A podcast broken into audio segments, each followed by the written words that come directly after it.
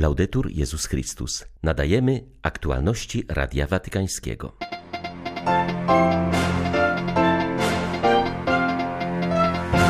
Od 1 września do 4 października obchodzony jest czas stworzenia. Na zakończenie tego okresu, zwiększonej troski o nasz wspólny dom, papież opublikuje drugą część Laudato Si. Niech przykład tej bohaterskiej rodziny, która ofiarowała swoje życie, by ratować prześladowanych Żydów, pomaga Wam w zrozumieniu, że do świętości heroicznych czynów dorasta się poprzez wierność w małych, codziennych sprawach, powiedział papież Franciszek, wskazując na rodzinę Ulmów. 300 dań błyskawicznych przybyło do Watykanu jako dar koreańskiej fabryki dla Ojca Świętego. Zgodnie z decyzją papieża Franciszka, to wszystko wkrótce wyruszy na Ukrainę w specjalnym transporcie. Akcję koordynuje jałmużnik papieski kardynał Konrad Krajewski. 30 sierpnia wita Państwa ksiądz Paweł Rytel-Andrianik. Zapraszam na serwis informacyjny. Czerpiąc siłę od Pana, jak robiła to święta Kateryteka Gwita, uczmy się wypełniać zwykłe czynności w niezwykły sposób i tak codziennie wzrastać w wierze, miłości oraz gorliwym świadczeniu o Chrystusie wskazał Franciszek w katechezie podczas dzisiejszej audiencji ogólnej. Skupiając się tym razem na postaci XVII-wiecznej dziewczyny z plemienia Mochawku w Ameryce Północnej, papież przypomniał, iż każdy z nas jest powołany do świętości i każdemu Pan w tym pomaga.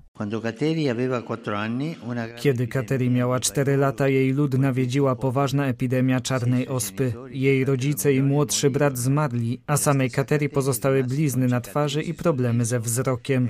Od tej pory dziewczyna musiała stawić czoła wielu trudnościom z pewnością fizycznym z powodu efektów przebytej ospy, ale także niezrozumienia, prześladowań, a nawet pogróżek śmierci, których doświadczyła po chrzcie w niedzielę wielkanocną 1676 roku. Wszystko to wzbudziło w Katerii wielkie ukochanie krzyża, najwyższego znaku miłości Chrystusa, który ofiarował siebie za nas aż do końca.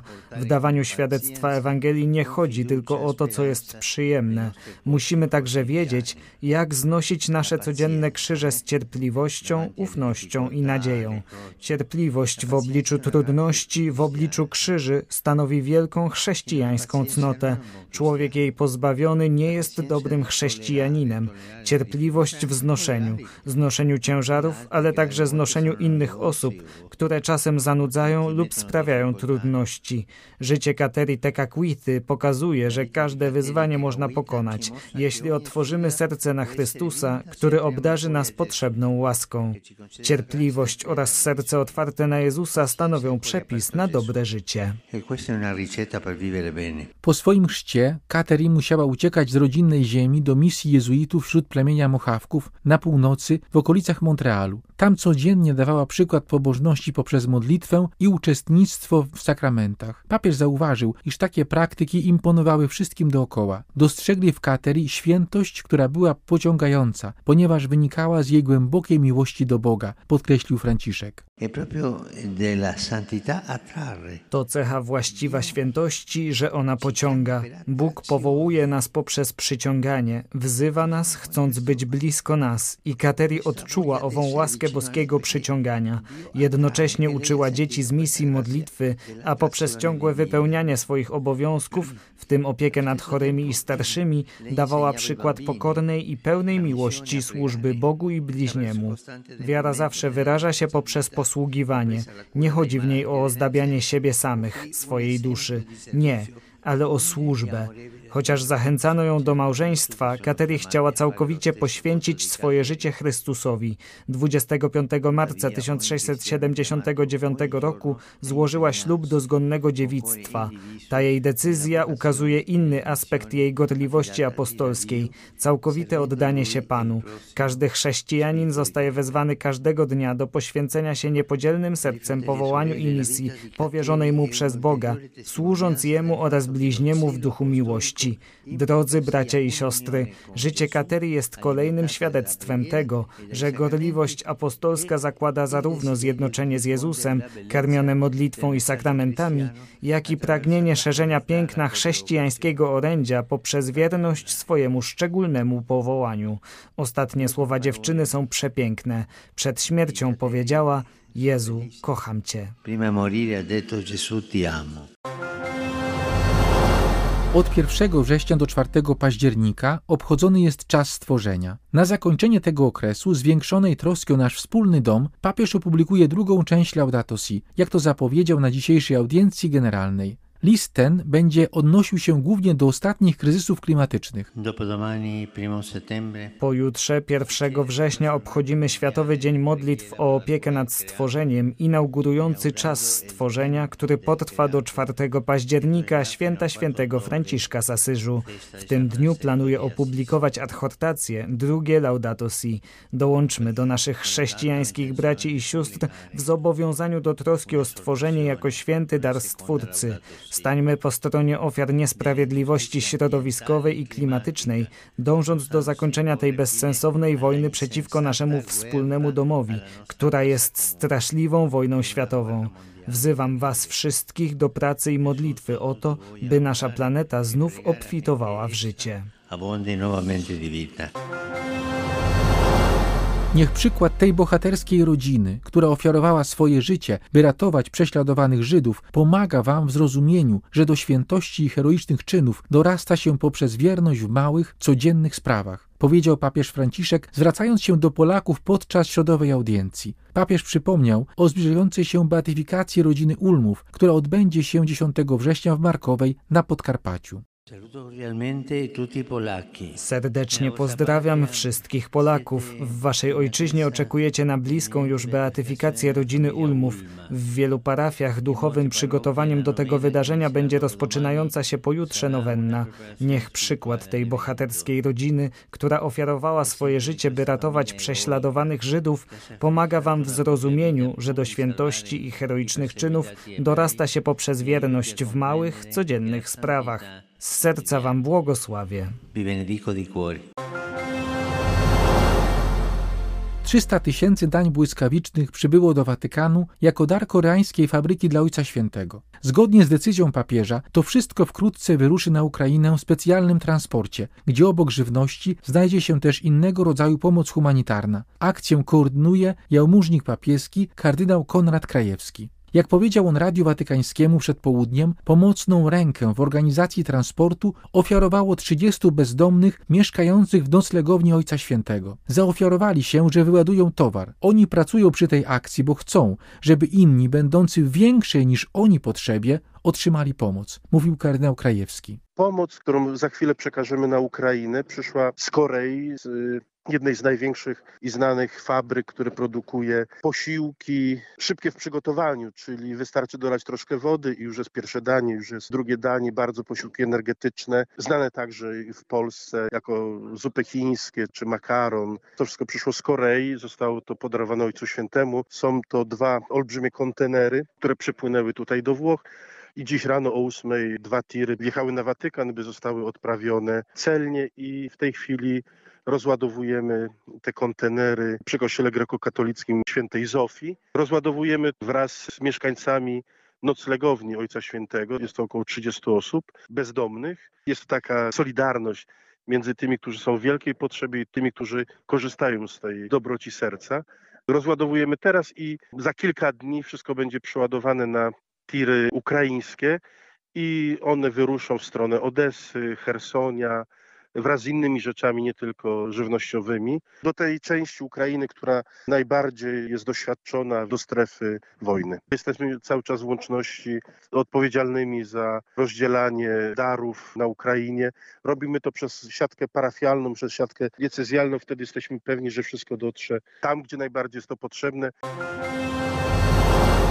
Naszemu światu brakuje nadziei wobec wielu dramatów osobistych czy wspólnotowych, których doświadczamy zauważa kardynał Pietro Parolin. Stąd temat papieskiej pielgrzymki do Mongolii, podobnie jak ten zaproponowany na jubileusz roku 2025, koncentruje się właśnie wokół wspomnianej kwestii. Chodzi tu o ufność opartą na wierze, na obecności Boga w naszej historii, dodaje watykański sekretarz stanu. Więc najbliższa wizyta papieża Franciszka ma zachęcić do znajdowania w sobie takiej siły wewnętrznej. Entuzjazm, z jakim katolicy w Mongolii przygotowują się na przyjęcie Ojca Świętego, jest namacalny.